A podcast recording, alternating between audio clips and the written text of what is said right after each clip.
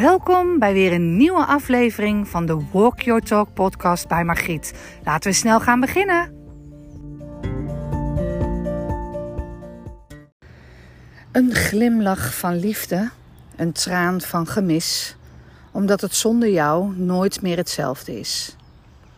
Welkom bij weer een nieuwe aflevering van de Walk Your Talk podcast bij Margriet.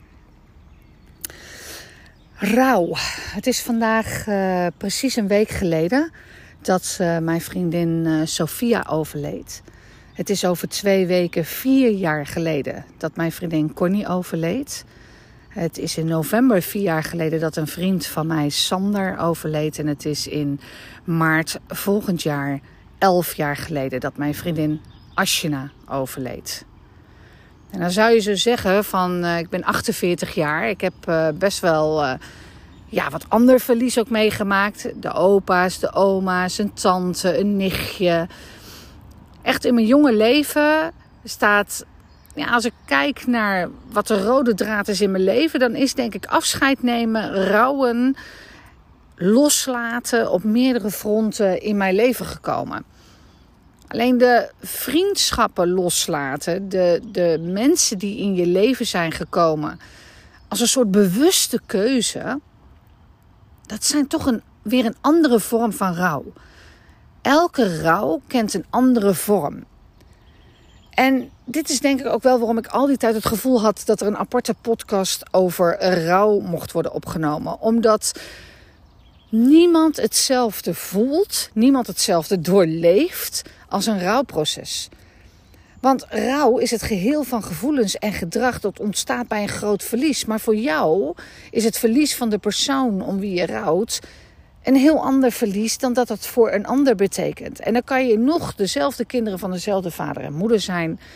Je kan een kind verloren hebben en, en toch kunnen partners, kunnen broers en zusters, kunnen, kunnen, kunnen vaders en moeders, kunnen vriendinnen anders omgaan met verlies. En dat komt omdat iedereen zijn eigen manier van rouwen heeft. Er bestaat helaas geen handboek voor rouwen of iets dergelijks. Er is namelijk geen goede of slechte manier van rouwen. Rouwen is opnieuw beginnen.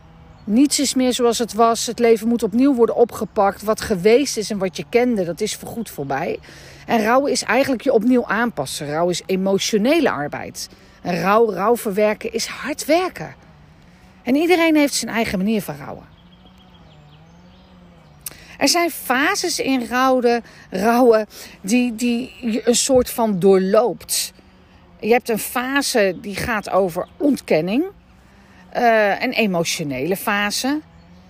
Een ja, soort onderhandelende fase. Dat je een, een beetje een akkoordje gaat gooien met jezelf. Er zijn mensen die hebben een depressie. Het is niet te zeggen waar jij met rouw doorheen gaat en wat op jou van toepassing is.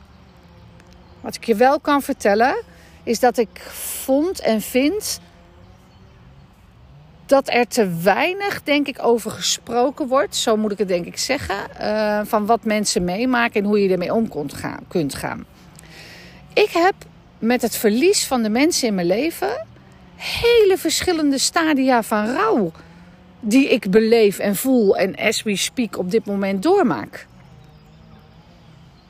En in de loop van het leven zijn er ook andere vormen, herkenning, inzichten, gekomen of voorbijgekomen die je toe gaat passen, die je voelt, die je weer tegenkomt dat je denkt, hè, wat is dit dan weer? En op het moment dat je een, een, een, iemand in lijn verliest aan ouderdom of een opa of oma en laat ik even heel reëel zijn. Ik heb uh, nog één oma die 94 is in december 95 wordt. Waar ik zo'n intens mooie band mee heb. En dan bedoel ik echt op gevoel en spiritueel en, en, en zo'n ander niveau. Dat als zij zou komen te overlijden, ik een immens groot verlies ken. Terwijl ik ook weet dat als je dit met anderen zou delen, ze zeggen: Oh, 94 of bijna 95 is een mooie leeftijd. Dan hebben ze een mooi leven geleefd. En dan ja, is het bijna alsof je er niet om zou mogen of kunnen rouwen. Wat onzin is. Want omdat iemand een goede leeftijd heeft, wil niet zeggen dat je niet om iemand mag rouwen. Rouw is namelijk het het gevolg van houden van. Het verliezen van een houden van in je leven. En je kan je wel voorstellen dat het leven leven met de mensen om je heen en daar iemand in verliezen het grootste gemis is wat je je kunt voorstellen. En ik heb altijd geroepen, en dat meen ik nog steeds. Er is maar één rouw waarvan ik vind dat dat de allerergste rouw is voor mensen die ze in hun leven kunnen meemaken. En het is nogal een statement, dat begrijp ik. Maar dat vind ik echt, omdat het zo heftig en ingrijpend is, is het verliezen van je kind. Verliezen van een ouder doet iets met je, haalt iets van je basis weg. En, maar verliezen van een kind, dat, dat klopt niet. Dat is een soort mindfuck. Want je hoort je kinderen gewoon niet te overleven. En dat doet iets met een ouder. De liefde van een kind zit zo ingeworteld in je systeem. Dat dat voor altijd de basis verandert. En ik heb het om me heen zien gebeuren. Het wordt nooit meer nooit meer zoals het was. En de pijn en verdriet die een ouder heeft met het verlies van een kind. Dat is alsof er echt een, een ledemaat van je is afgescheurd. En nooit meer terugkomt. En dat is een verlies dat blijft. En hoe je daar ook mee probeert te dealen. Dat, dat, dat krijgt nooit de plek. Ik weet überhaupt niet of vrouw überhaupt ooit een plek, gemis ooit een plek, krijgt. Maar jeetje, dat, dat vind ik echt een andere tak van sport. Die rouwverwerking, zien wat het met mensen doet. Dat vind ik, uh, ja, weet je, mensen die daarna doorgaan, daar heb ik uh, de utmost respect voor. En, en nogmaals, ik heb het best aan de hand dichtbij meegemaakt dat ik het iemand heb zien doormaken. En meerdere heb zien doormaken. En dat is een, uh, een stuk waarvan ik me altijd een soort van blessed voel dat dat me nog steeds niet is overkomen. En dat ik hoop dat het ook nooit, dat ik het nooit mag voelen en mag overkomen.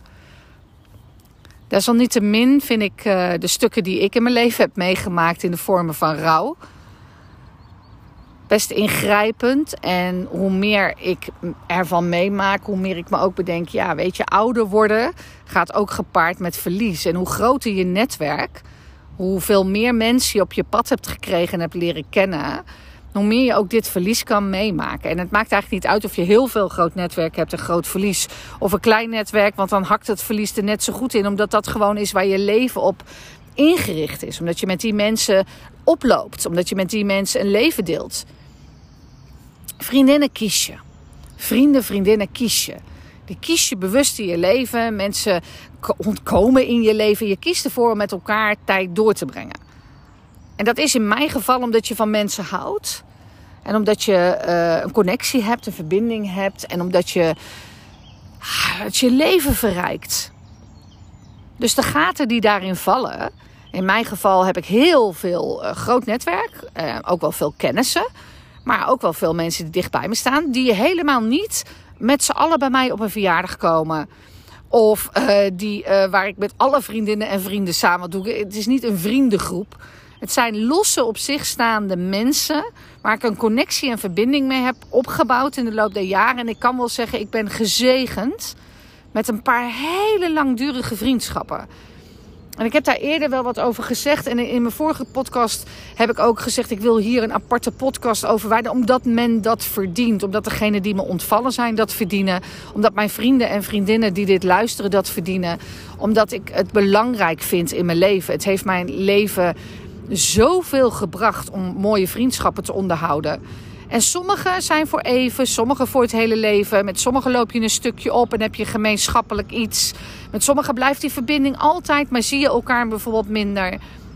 Maar dit gaat wel over de vriendschappen die veel dichter in mijn leven zijn gekomen. En waar ik, uh, ja, weet je, momenten mee heb beleefd. En waar, ik, uh, waar het gemis nu heel groot is in mijn leven omdat ze op die basis niet meer in mijn leven zijn. En waarin het houden van alleen maar groter is geworden. Uh, het respect, uh, de dankbaarheid dat ze in mijn leven zijn geweest. Ik heb echt zoveel kunnen omdraaien. En, wat ik zo belangrijk vind aan uh, het hele rouw- en verliesstuk... is dat het me in de loop der jaren ook zo veel heeft gebracht. Het heeft me inzichten doen brengen. Misschien denk je op de achtergrond, wat hoor ik nou? Maar Griet zit buiten en ik hoor geen alleen maar natuur en vogeltjes. Nee, ik moet daar ook echt even wat over zeggen. Ik ben hier vanmorgen naartoe gelopen. Uh, het is zaterdag een week geleden dat uh, mijn vriendin is overleden. En ik had het gevoel dat ik een andere route moest nemen. En in het heel gevoel van rouw is voor mij één ding uh, wat daarin centraal staat. Ik, water is voor mij helend. Water is waar ik naartoe ga als ik gevoelens heb van rouw en verdriet. een eb- en vloedbeweging van de zee. In dit geval zit ik hier langs het kanaal. ik heb ook de route helemaal gelopen langs het kanaal om dit plekje, een bankje te vinden. Omdat ik weet dat, ja, daar heb je hier misschien inderdaad wel de treinen die over de brug heen gaan. Die je dan af en toe hoort. Maar water is voor mij soothing. Mijn vorige podcast, als je die geluisterd hebt, gaat over mijn avontuur in Gran. En daarna heb ik ook verteld dat we naar de zee zijn gegaan om, om die eb- en vloedbeweging soort van ja, rust bij ons te brengen. Maar vanaf dat mijn vriendin Asje elf jaar geleden overleed. En ik denk eerlijk gezegd daarvoor ook al. Alleen kan ik me dat niet zo letterlijk bij de geest halen. Maar hier was dit zo duidelijk. Dat bij het overlijden van mijn uh, vrienden en vriendinnen de afgelopen jaren ik uh, het water opzoek. En dat kan zijn langs de Lek, het kan zijn langs de Amsterdamse Rijnkanaal. Het kan zijn dat ik enorm sterk de behoefte voel om naar het strand te gaan. Om die ja, helende werking van water tot me te laten komen. Omdat ik elke keer merk dat ik in deze omgeving ja, rustig word en, en um, inspiratie krijg, overdenkingen heb, het mag loslaten, verdriet mag voelen, kan huilen en ook vandaag deze podcast kan opnemen. Weet je, en, en rouwen kent vele fases. Ik durf alleen niet te beweren dat de fases zoals men beschrijft ook de fases is waar jij of ik altijd doorheen zullen gaan. Ik vind dat het heel erg door elkaar heen loopt. Er kan een liedje zijn wat je ineens in tranen brengt. Er kan een moment zijn waar je aan denkt. Er kan een moment zijn dat je iemand even zijn stem wil horen. Het gemis kan op alle fronten bij je komen. Voor mij um, is het heel bijzonder om te ervaren wat ook dit gemis en dit overlijden weer voor verschil is. Als je naar mijn vriendin overleed geheel onverwachts. begin 40, hartstilstand ja, weet je, dat, dat wordt uit je leven weggerukt op een moment dat je elkaar nog een paar dagen ervoor hebt gesproken. En dat is bijna niet te bevatten wat dat met je doet. En dat geldt eigenlijk voor Connie precies hetzelfde. Het moment dat je nog met elkaar op vrijdag aan het lunchen bent en op zondag een telefoontje krijgt dat iemand er niet meer is, dat is een soort van. Daar kan je even niet bij. Dat is een hele tijd een, een ongeloof, een, een, een, een heel ja, ongrijpbaar iets, kan ik wel zeggen. Een hele andere manier van afscheid nemen. Sander, Sander was al heel lang ziek. En heel veel momenten dat het even slechter ging. En gek genoeg, omdat je heel veel momenten hebt gehad dat het slechter ging, had je ook elke keer weer de hoop dat het weer goed ging. Maar op het moment dat het echt niet goed ging, dan was daar ook echt een afscheid. Ik mis hem nog heel vaak. Ik mis uh, iedereen nog heel vaak, maar ik mis Sander ook, omdat hij met zijn uh, handicap die hij had, zo ontzettend positief in het leven stond. En ik moest er altijd om lachen, om die, die, die bepaalde manier van determination die uh, mensen hebben als ze wat mankeren. En dat doet ook iets met, met je levensverwachting, met hoe je het leven leeft en, en wat je van het leven aan verwachtingen hebt en hoe je het inricht. En dat was eigenlijk nu met Sophia precies hetzelfde. Uh, ik heb uh, in februari ongeveer, een aantal maanden geleden, te horen gekregen dat ik twee vriendinnen uitbehandeld zijn in het traject van kanker. Uh, Sophia is uh, net 63 geworden en mijn andere vriendin is begin 50. En ik weet dat ze het allebei heel moeilijk vonden om dit met mij te delen. Wat dus ook direct, indirect gelijk iets zegt over onze vriendschap. Dat je het dus zo moeilijk vindt om tegen elkaar te vertellen dat het leven eindigt. En ergens dacht ik ook, het leven eindigt voor ons allemaal. Hè? Wij hebben alleen nog niet het, het, briefje gekregen dat we weten dat, dat we uitbehandeld zijn of dat we ziek zijn. Maar het leven eindigt allemaal. En dat kan voor ons allemaal morgen, volgende week of volgende maand over zijn. Er is natuurlijk geen briefje die, die, die je kan vertellen wanneer het zover is. En zelfs ook met deze diagnose. Op het moment dat het je verteld wordt, wordt er natuurlijk niet precies verteld wanneer. Mits je daar zelf voor kiest. Mits je kwaliteit van leven heel belangrijk vindt, of een euthanasievorm kiest die bij jou past. Ik heb één keer meegemaakt in mijn leven dat uh, iemand koos voor euthanasie. Dat was mijn opa. Mijn oma en opa waren ja, toch echt wel streng katholiek. Ja, ik vond wel dat mijn opa en oma echt wel heel erg in het katholieke geloof zaten. Dus toen mijn oma overleed, had mijn opa daarna niet meer zoveel voor te leven. En mijn opa kreeg prostaatkanker en die had zoiets van... joh, gooi mij maar gewoon lekker bij Mientje. Leg mij maar lekker bovenop er in dat graf. Ik ben er wel klaar mee met dit leven. Mijn opa heeft euthanasie ingezet. En dat is natuurlijk best iets wat heel tegenstrijdig is met het katholieke geloof. En dat vond ik zo knap. Ik kan me nog zo herinneren dat ik dacht, jeetje, wat een uh, bikkel van een opa heb ik dat hij die keuze maakt. Sophia die uh, had uitbehandeld borstkanker. En uh, dat zat op wel zoveel plekken dat behandeling niet mogelijk was. En dat zij ook wist dat ze de kwaliteit die ze nog had in de resterende leven, zij wilde leven zonder behandelingen. Ze was alleen, uh, had wel een vriend, maar woonde niet samen. En wist ook van veel van dit soort dingen gaan op mezelf aankomen. En dan wil ik gewoon vooral nog een leuk leven hebben en kunnen doen wat ik wil met de mensen om me heen die ik wil. ik heb me echt wel in heel veel tijden bedacht. Hoe zou ik me voelen als ik dat nieuws zou krijgen? En ik weet ook gelijk waarom het voor mij anders is. Ik kan nog niet zeggen hoe ik me zou voelen. Daar ben ik heel eerlijk in. Ondanks alles wat ik nu om me heen meemaak, kan ik niet zeggen uh, wat ik daarin precies zou voelen. Er komt een hele mooie grote boot nu voorbij. Maar wat ik wel voelde direct was: ik heb uh, een man en kinderen. Een hele grote sociale kring, lieve mensen. Ik ben benieuwd wanneer ik op het stadium zou komen. Dan moet ik toch wel immens veel pijn ellende ervaren voordat ik zou kiezen dat de kwaliteit van leven belangrijker is dan de lengte van mijn leven. Ik zou nu niet eraan moeten denken. En dat is het, hè? Dat is wat wij doen als mensen. Dat ik er niet moet denken dat je zoveel dingen van je kinderen niet meer gaat meemaken. Of dat je daar niet meer bij bent. En dit zeggende is omdat ik weet dat ieder van jullie herkent dat we dit hebben meegemaakt. Dat je dit om je heen meemaakt. Dat mensen deze keuzes moeten maken. En hoe zou je daarmee omgaan? Dat weet je niet. Daar kan ik niks over zeggen eigenlijk. Totdat het moment zover is. En dat je die keus dus gaat maken. En ik heb daar de, de grootste respect voor. En tegelijkertijd het grootste verdriet om. Dat mensen zoveel pijn beleven. Dat kwaliteit van leven dus geen optie meer voor ze is. Dus dat je dus kiest voor die andere weg. En dan moet je toch wel heel veel pijn hebben. Dat is net als met mensen die uit het leven stappen Vroeger was daar, ja, weet je, had je best, kon je daar best wel een overtuiging over hebben. Dat doe je toch niet. En de mensen die je achterlaat, dat klopt. Maar heb je enig idee, enig idee, hoeveel geestelijke pijn iemand moet hebben? Hoe uitzichtloos een situatie moet zijn als je niets meer wilt leven? Dus er is iets veranderd, ook in mij, ook in de blik op het leven, de blik op levenswaardigheid, op, op kwaliteit, op wat je mee kan maken, op pijn, op wat is de, de, je grens. En die is voor iedereen anders. Wat ik ook heel erg heb ervaren, wat ik als, als een heel bijzonder iets vind, is ieder afscheid is zo anders. Iedereen kiest voor zijn of haar eigen manier van afscheid. En die hebben wij gewoon met z'n allen te respecteren.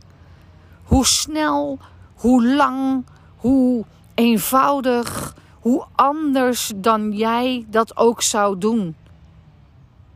Je hebt het gewoon te respecteren. Als iemand bepaalde wensen heeft, dat ze in intieme setting of in kleine setting met elkaar afscheid willen laten nemen. Als iemand duidelijke behoeftes heeft wat ze niet wil of wel wil, dan heb je dat in mijn beleving na te streven. En wat vind ik het bijzonder om ook weer te zien dat, dat ook Sophia daar, net als Connie, heel erg open over gecommuniceerd heeft. Want het is een taboe onderwerp. Hè? Niemand wil echt nadenken of praten over het feit dat we hier op aarde zijn en dat er ook echt een moment gaat komen waarop we in dit lijf deze aarde zoals we het nu leven zullen verlaten. Naar het onbekende en een ongeziene wereld. Niemand kan vertellen wat er is. Of je er nou in gelooft dat er iets is of dat er niets is. Eigenlijk is er zo weinig wat je daarover kunt zeggen. En iedereen heeft daar ook een andere gedachte, visie, ervaring mee.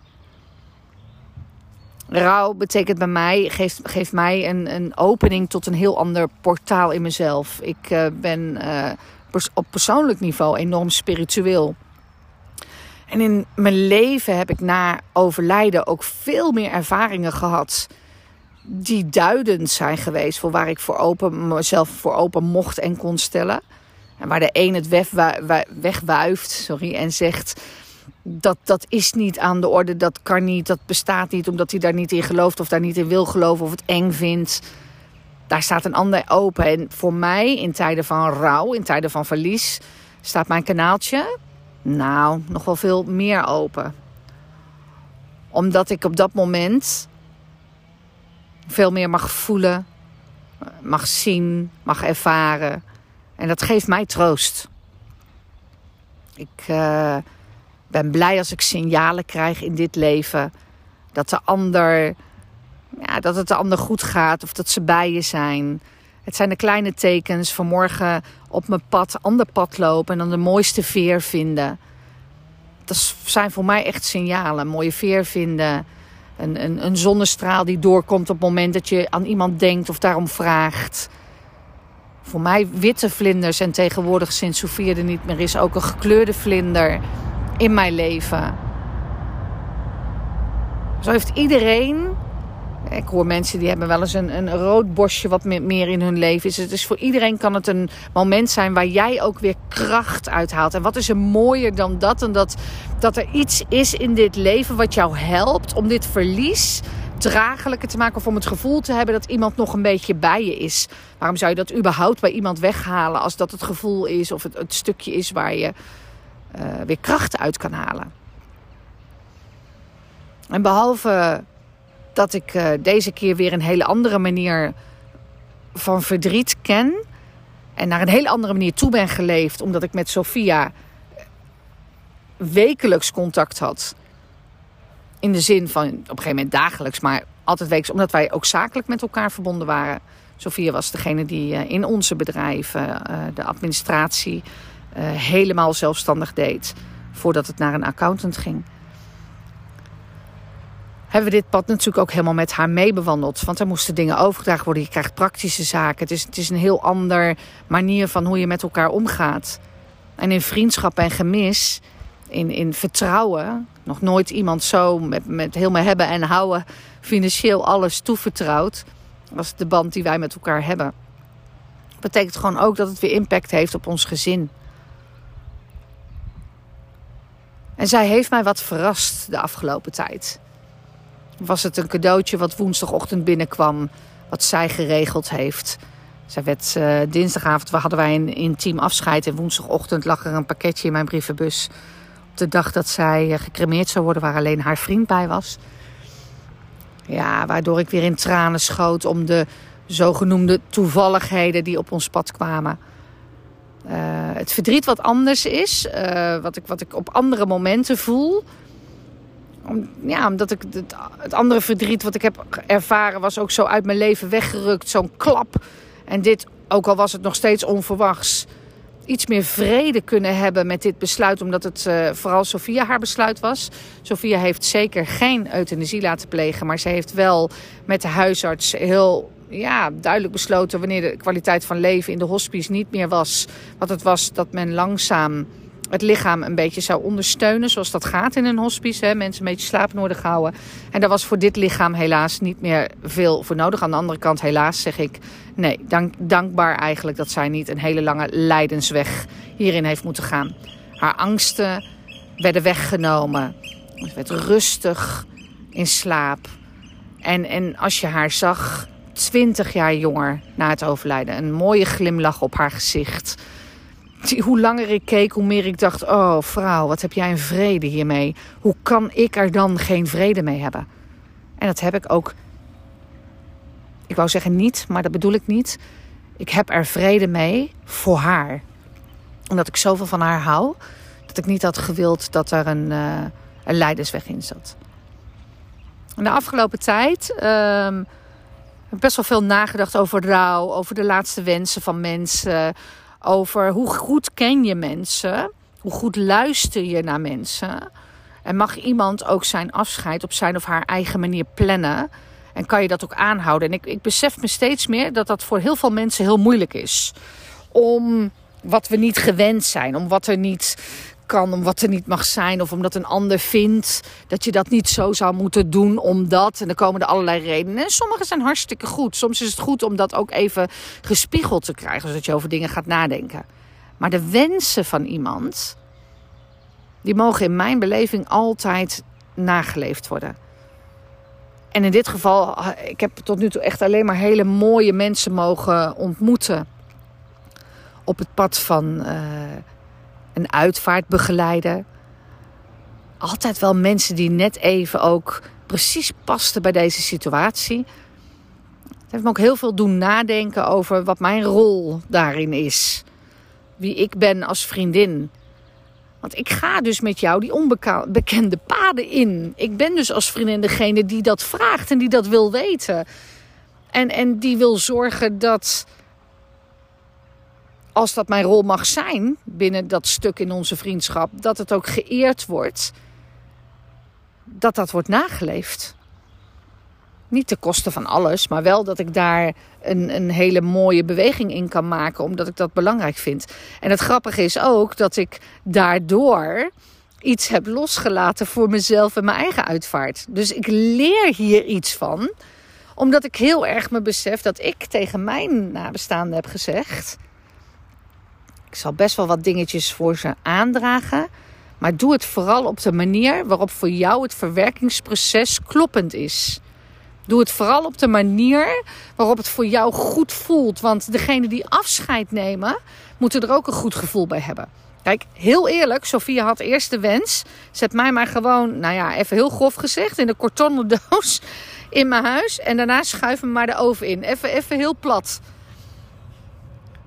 En dat was ook iets waar haar partner met haar over in gesprek is gegaan. En ook de, de, de uitvaartbegeleiders die ze van tevoren hebben gesproken. Van joh, kan dat, zou dat ook iets anders kunnen voor ons? Omdat wij daarin ook nog een stukje verwerking hebben. En, en een proces hebben. En daar ging zij ook over nadenken.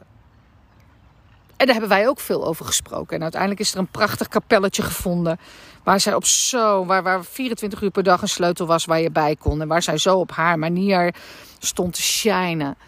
En dat heb ik bij Connie zo ervaren. Ik denk dat als je nou iets minder dat ervaren hebt, maar uiteindelijk ook wel als heeft duidelijk wat dingen beschreven ook. Dit is gelukkig gevonden na haar overlijden, hoe zij dingen wilde hebben. Maar eigenlijk was het, ja, weet je, dat, dat is eigenlijk wel een beetje de rode draad geworden. Dat ik best wel wat dingetjes heb die ik mooi zou vinden. Maar dat ik vooral vind dat degene die dit beslissen, als ik er niet meer ben, hun gevoel van afscheid en hun helingsproces kunnen starten als ik er niet meer ben. En die verdieping in elkaar, om te weten wat die ander wil, hoe die het zou willen of hoe de ander het wil nalaten, zodat het voor jullie een mooi proces wordt in je verwerking. zo verbindend en zo helend en brengt zoveel verdieping in een relatie, in een vriendschap. De manier van afscheid en hoe je dat doet, dat, uh, want het, er neemt iets over hè, op dat moment ook in, in um, ja, zorg, uh, alles willen regelen. En juist die momenten van rust, dus nog meer dat mensen in de momenten van nadat iemand is overleden, niet in een soort red race leven, in een soort automatische piloot, maar dat ze ook echt even mogen afscheid nemen. Daar voel ik steeds meer een soort grote rol in voor mezelf. Dat hoort ook bij verwerking.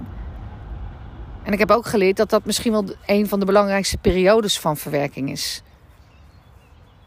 Dat iemand er nog is. En dat je een afscheid regelt. En dat je ook weet dat iemand op een gegeven moment er niet meer is. Waardoor je niet meer naar die plek, met die persoon, dat omhulsel naartoe kan. En hoe je daar dan mee omgaat. Over het hele onderwerp rouwen en wat ik daarin geleerd heb en wat ik daarin gedaan heb, dat, dat is zoveel de afgelopen jaren wat het me gebracht heeft. Ik uh, weet dat ik ooit naar een programma keek van. Uh, ik, ik, ga je vertellen, de, de, de persoon waar ik het meest van geleerd heb zonder dat hij het weet. Uh, in dit leven als het gaat over rouw en afscheid is Dinant Woesthof. Dinant heeft uh, met, met zijn invloed mijn leven en mijn kijk op de dood veranderd. Dat weet hij niet. Maar doordat hij dat gedeeld heeft, is mijn visie en mijn kijk op de dood veranderd. Mijn, mijn de dood werd voor mij altijd gezien als een, uh, vroeger dan, toen ik jonger zeker was, als een afscheid. Als een, uh, iemand is er niet meer. Afscheid, verdriet. Hè, altijd, het, gaat gepaard met het, onwetendheid. En, en ja, dat, dat, dat is een beetje van wat je ziet om je heen. Hoe mensen daarmee omgaan en hoe ze daarmee verder gaan. En dat ieder dat op zijn eigen manier doet. Alleen de manier waarop hij dat deed in de tijd met uh, um, dat Guusje overleed. En dat hij daarvoor natuurlijk ook al uh, behoorlijk verlies in zijn leven gekend had. Dat was het moment waarop ik me in ieder geval besefte dat um, het anders kan. En dat het misschien eens goed was om naar hem te luisteren hoe hij daarmee deelde. Hij bleef toen achter, heel jong, met, met zijn jonge zoontje. En, en uiteindelijk kwam Lucie in zijn leven. Maar hoe hij omging met uh, faith, met het lot, met de dood, dat heeft hij, uh, ja, heeft hij gedeeld op diverse manieren. En een van de indrukwekkendste manieren die mij is bijgebleven, is uh, in gesprek met Johnny de Mol. Uh, ze hadden samen een programma, daar gingen ze naar uh, het, het gelukkigste land ter wereld.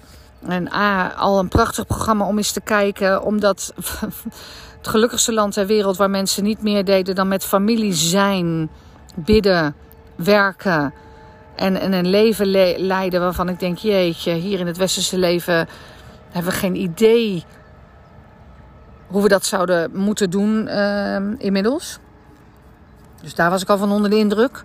Maar ook hoe hij beschreef hoe hij de dood is gaan omarmen in liefde. En het is gaan zien als een stuk verlenging van de liefde. En dat het ook niet eindig is. En dat hij daar steeds meer mee in het reine probeerde te komen en is gekomen. Waardoor hij er gewoon op een andere manier zijn leven leidt. Wat denk ik ook een voorbeeld is op dat moment. Zeker door corona extra aangejaagd. Maar jeetje, dat, dat leven wat hun samen ook zijn aangegaan met Lucie erbij en voor de kinderen. Dat is voor mij sowieso een, een, een enorm voorbeeld. En dat steek ook niet zonder, onder stoel of bank. Dat, dat, uh, dat is echt iets wat ik heel mooi vind als, als iemand een mooie inspiratiebron voor je kan zijn. Maar zeker in de omgang met de dood heeft maar hij mij daar heel veel in geleerd zonder dat hij het weet. En dat is ook waarom ik de podcast ben gaan doen. Soms ben je een inspiratiebron voor iemand of kun je iets vertellen wat zo aankomt bij iemand anders en dan, dan kan dat voor altijd je leven veranderen. Kan voor altijd je inzicht veranderen. Het kan voor altijd iets in werking bij jou zetten waardoor je de dingen niet meer doet zoals je ze hiervoor deed of waardoor dingen anders kunnen worden. Daarom vind ik dat ook zo belangrijk om te blijven doen. En in het begin, ik had gisteren visite van iemand en die uh, ontzettende trouwe luisteraar van mijn podcast klant ook van mij. En die kwam mij in deze periode van mijn leven een heel mooi boek brengen. Als cadeautje, als bedankje voor de podcast.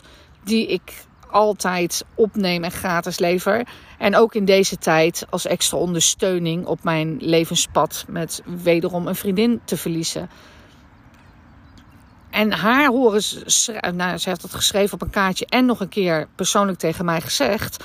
Dat raakt omdat ik daarmee me ook besef dat dit doen ook helend en fijn werkt voor andere mensen. En, en ook die personen hebben mensen verloren en zijn er op een bepaalde manier mee omgegaan en eren of voelen dat verlies nog steeds. Dus er was voor mij geen andere mogelijkheid dan dat ik hier vanmorgen naartoe liep en dat ik dacht: dit mag een hele mooie, bijzondere aflevering op zich zijn.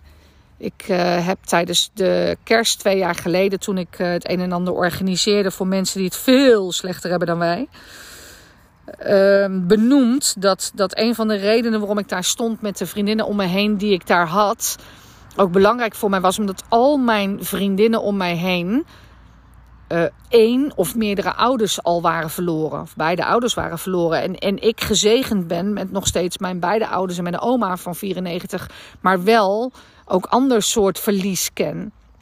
En mijn vriendinnen heel erg probeer te steunen in het verlies van de ouders die ze verloren hebben. Ik, ik heb elke ouder van, van het verlies van mijn vriendinnen in mijn agenda gezet. Hun overlijdensdata. Uh, met, met moederdag of vaderdag vind ik dat ik daar even bij stil mag staan. Dat dat anders is voor hun dan voor ons. Um, zo probeer ik te eren dat, dat het verlies van mensen gaat niet over naarmate de jaren verstrijkt. Het gaat niet over ook omdat wij met z'n allen doorleven. Nee, die ander moet dan weer even slikken en daardoorheen. En hoe fijn is het dan dat je elkaar even ondersteunt. Dus als je iemand hebt die verlies kent en verlies heeft gekend. Soms is een hartje al genoeg. Soms is alleen al even een appje sturen met een hartje. Ik denk aan jou vandaag net weer even meer. Al genoeg. Soms is juist die extra aandacht en liefde op dat moment even genoeg. Dat gaat ook gelijk over in het onderwerp waar ik, iemand zegt, je zegt het altijd maar zwaar, weer een nieuwe podcast over kan overnemen, maar nu ook even wil, of kan opnemen, maar nu ook even wil aantippen, social media. Ik kan soms social media ook echt wel eventjes spuugzat zijn kan het leuk vinden, kan het omarmen, kan het zat zijn. Net als iedereen. Er is niemand die dat niet ervaart. Iedereen heeft dat. Op bepaalde momenten. Dat is vooral op momenten dat het of zelf even niet zo lekker gaat. Of dat je wat meer rust nodig hebt. Of dat je heel bewust kiest. Zoals ik dat wel eens heb in mijn social media vrije periode. Om even helemaal offline, off the grid te gaan van iedereen en alles. Omdat het soms ook heel veel input is en output en energie kost en noem maar op. En soms wil je gewoon even lekker jezelf op jezelf richten. Maar mag ik echt uit de grond van mijn hart, en ik heb er al een post over geschreven, iedereen bedanken die zo lief, al was het maar een hartje onder mijn post, een hartje op mijn stories, een, een, een reactie op een podcast, een lief woordje richting mij heeft gestuurd in welke vorm, op welke manier dan ook. Of dat je gewoon, ook heb je dat niet gedaan, al heb je maar in gedachten even aan me gedacht. Ik heb het gewoon gevoeld. En social media heet social media omdat er een stukje social in zit. Dat betekent ook dat je met elkaar mee mag leven in goede en slechte tijden. Ik deel dat. Ik denk dat ik vrij transparant en open boek ben. Um, dat ik het deel. En dat ik mijn verdriet deel en heel en inspiratie. En wanneer het goed gaat. En dat ik ook dankbaar ben. En dus ook dankbaar voor zo'n moment dat ik um, niet social media inzet omdat het dan even zo lekker voelt of omdat je op die hartjes zit te azen. Dat is gewoon niet hetzelfde als voelen dankbaarheid dat je dit mag delen en dat er zoveel oprechtheid met je meegeleefd wordt. En daarom vind ik ook dat als ik dat ergens anders voorbij zie komen, dat ik het niet voorbij kan laten gaan zonder die persoon even iets te laten weten. En dat zeg ik, al is het maar een hartje, al is het maar een, een, een, een duimpje, al is het maar een, twee handjes bij elkaar, dat ik even aan je denk. Meer is er niet nodig. Er weinig of geen momenten zijn dat ik daar doorheen scroll. Of dat ik iets zie van iemand en dat ik daar dan niet even op reageer. Want als ik er dan toch ben, dan zijn dat de kleine dingen die het wel even doen. En die mensen onthouden, die ik onthoud, die ik voel. Voor mij in ieder geval de afgelopen tijd in real life en social media life heel helpend zijn geweest. En in alles, in, in mijn verwerking, heel krachtig zijn geweest. Dat heb ik echt ontdekt bij het overleden van Ashina, uh, nu ruim tien jaar geleden. Daar ben ik uh, toen gaan schrijven. En, en nou ja, ik, nee, ik schrijf net zo makkelijk als dat ik een podcast opneem, uh, weet ik tegenwoordig. En dat heeft me gewoon geholpen om van me af te schrijven, om van me af te praten. En ik weet ook dat het anderen weer geholpen heeft en dat het geheeld heeft. En dat hoeft niet voor iedereen zo te zijn. Er zullen ook mensen zijn die dat nooit op die manier doen, op een andere manier doen. En dat is dus ook helemaal oké. Dus ga elkaar gewoon niet veroordelen of beoordelen erop. Stuur liefde. Stuur heel veel liefde als mensen dat nodig hebben. En nee, mensen blijven niet in een slachtofferrol zomaar hangen. Of, uh, je hoeft het niet in te vullen voor die ander. Je hoeft er geen oordeel over te hebben. Het is die anders gevoel. En die kiest ervoor om daar op een bepaalde manier mee om te gaan. Ik kies ervoor om het op deze manier te doen. Het helpt mij. Het helpt mij om door te kunnen. Het helpt mij om af en toe mijn verdriet te mogen voelen. Het helpt me om te groeien in dit leven. Ik ben er nou toch, hè? Kan ik er maar beter uithalen wat erin zit. En op sommige momenten, juist in de momenten dat je iets meemaakt wat op zijn heftigst is, zitten echt mijn grootste lessen, mijn grootste gevoel. Kan ik het beste bij mijn gevoel komen? Maak ik het meeste mee en daardoor ga ik door dingen heen, maar kom ik er ook weer bovenop. Als mensen zeggen, jeetje Margriet, je hebt zoveel van dit soort dingen meegemaakt. Hoe doe je dat? Is omdat ik er ook elke keer wat van leer en krachtiger door word. En het leven ook weer uitnodig. Het leven mij uitnodigt. Het universum mij uitnodigt. Om over dingen na te denken. Denk je nou echt niet dat dit voor mij heel veel in perspectief zet en plaatst? Denk je nou echt niet dat dit overlijden ervoor zorgt dat ik ook weer eens naar mijn eigen leven ga kijken? En bedenk wat ik te doen heb in deze wereld. Doe ik nog steeds wat ik hartstikke leuk vind? Is het nog steeds met ease and joy? Dat hoor je de laatste tijd heel veel, maar voor mij voelt dat al jaren zo. Hou ik nog steeds, eer ik nog steeds mijn gevoel? Zijn er nog dingen die ik wil doen? Ik ben 48 jaar. Het leven is nog niet geleefd, jongens, hè? Wat wil ik nog? Wat zijn nog mijn wensen? Wat zijn nog mijn dromen? Wetende dat ik ook nog iemand ga verliezen waarvan ik het weet Waar ik op dit moment alleen maar mooie herinneringen mee aan het maken ben. Waar de liefde en de verdieping nog dieper mag gaan dan dat hij al ging. Omdat ik nog meer koester dat iemand er nog is. Want dat besef ik me terdege wel. En dat zonder dat er mensen ziek zijn en doodgaan, ik daardoor ook weer meer bewuster ben van wat je om je heen hebt en wat je mag koesteren. En hoe blij en dankbaar je mag zijn met die mensen in je leven. Dus dat dat ook weer verdieping krijgt dankbaarheid is een rode draad in mijn leven.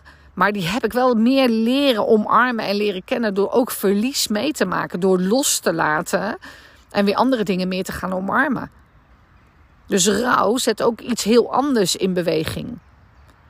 Van het hele diepe verdriet en donkere gevoel waarin je jezelf opsluit in een kamer en even die hele fucking buitenwereld niet wil zien tot de liefde en je willen omringen met mensen en willen delen en naar buiten willen keren, omdat dat de behoefte is op dat moment.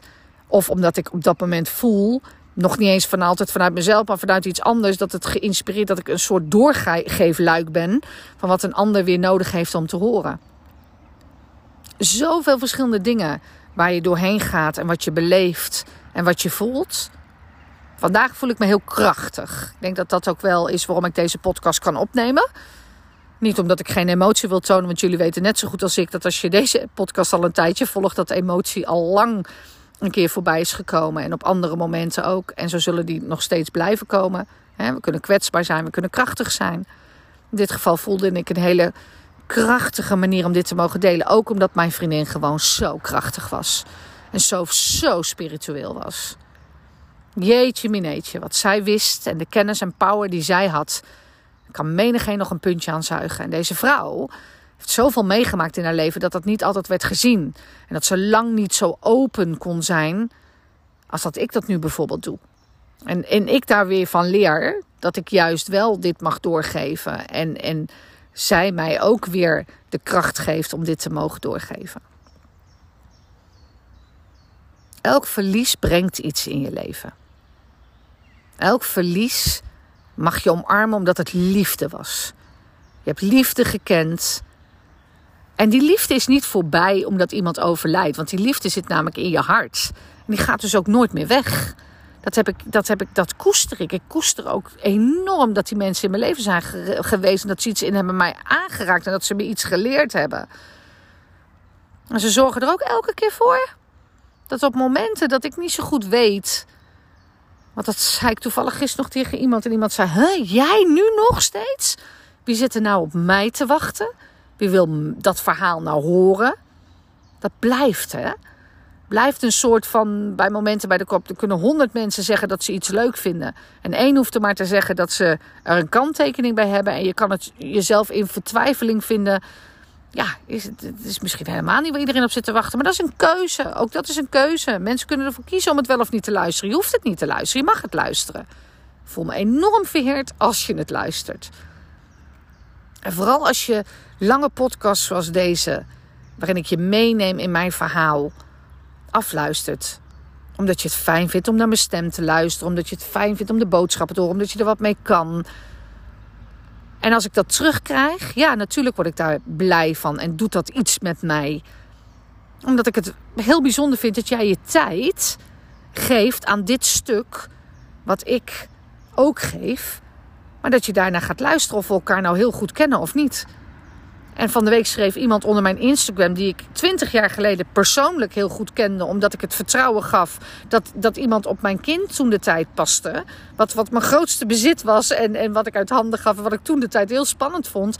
En we zien elkaar niet meer dagelijks. En ze past niet meer op mijn kind, want die is inmiddels 21. Maar 20 jaar later bestaat er nog steeds die connectie en verbinding, omdat je met iemand verbonden hebt. En nee, dat is dan niet mijn, mijn eh, vriendin die ik hier dagelijks in het leven heb. Maar dat is wel iemand waar ik nog steeds mee meeleef en mee meevoel. En zij dus ook met mij. Dus die connectie kan er op zoveel levels zijn.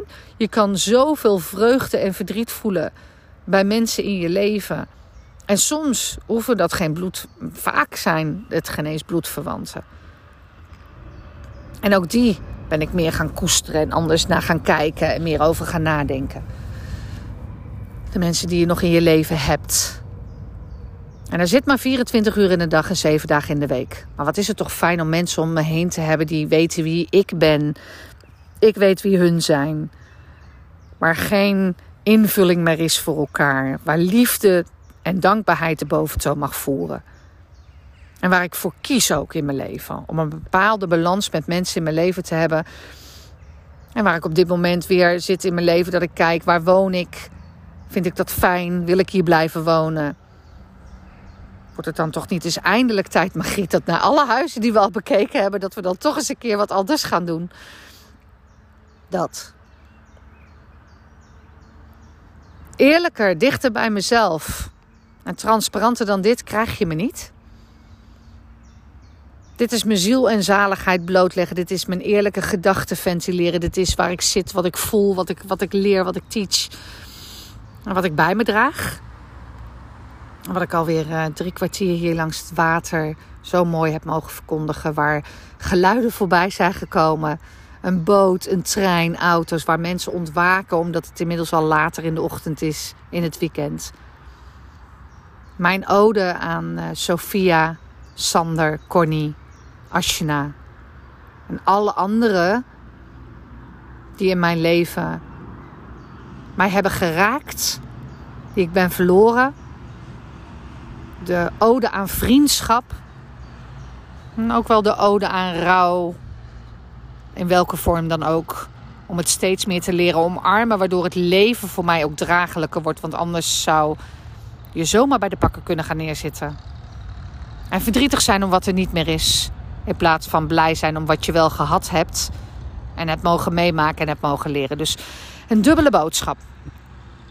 Ik hoop echt dat je met mij deelt, met mij kunt delen wat deze podcast voor jou in beweging zet, aan herkenning bracht, wat je hieruit mee mag nemen. Ja, dat. Ik wens je een hele mooie dag. Wanneer je dit ook luistert, weet dat het leven is om geleefd te worden. En heb je even een slechte dag, is daar niks mis mee. Want weet je, die levert je altijd ook weer wat op. Af en toe terugtrekken. Ieder doet het op zijn eigen manier. Hele dikke knuffel, dikke helende kus. En dank je wel dat jij hier bent. Tot de volgende podcast.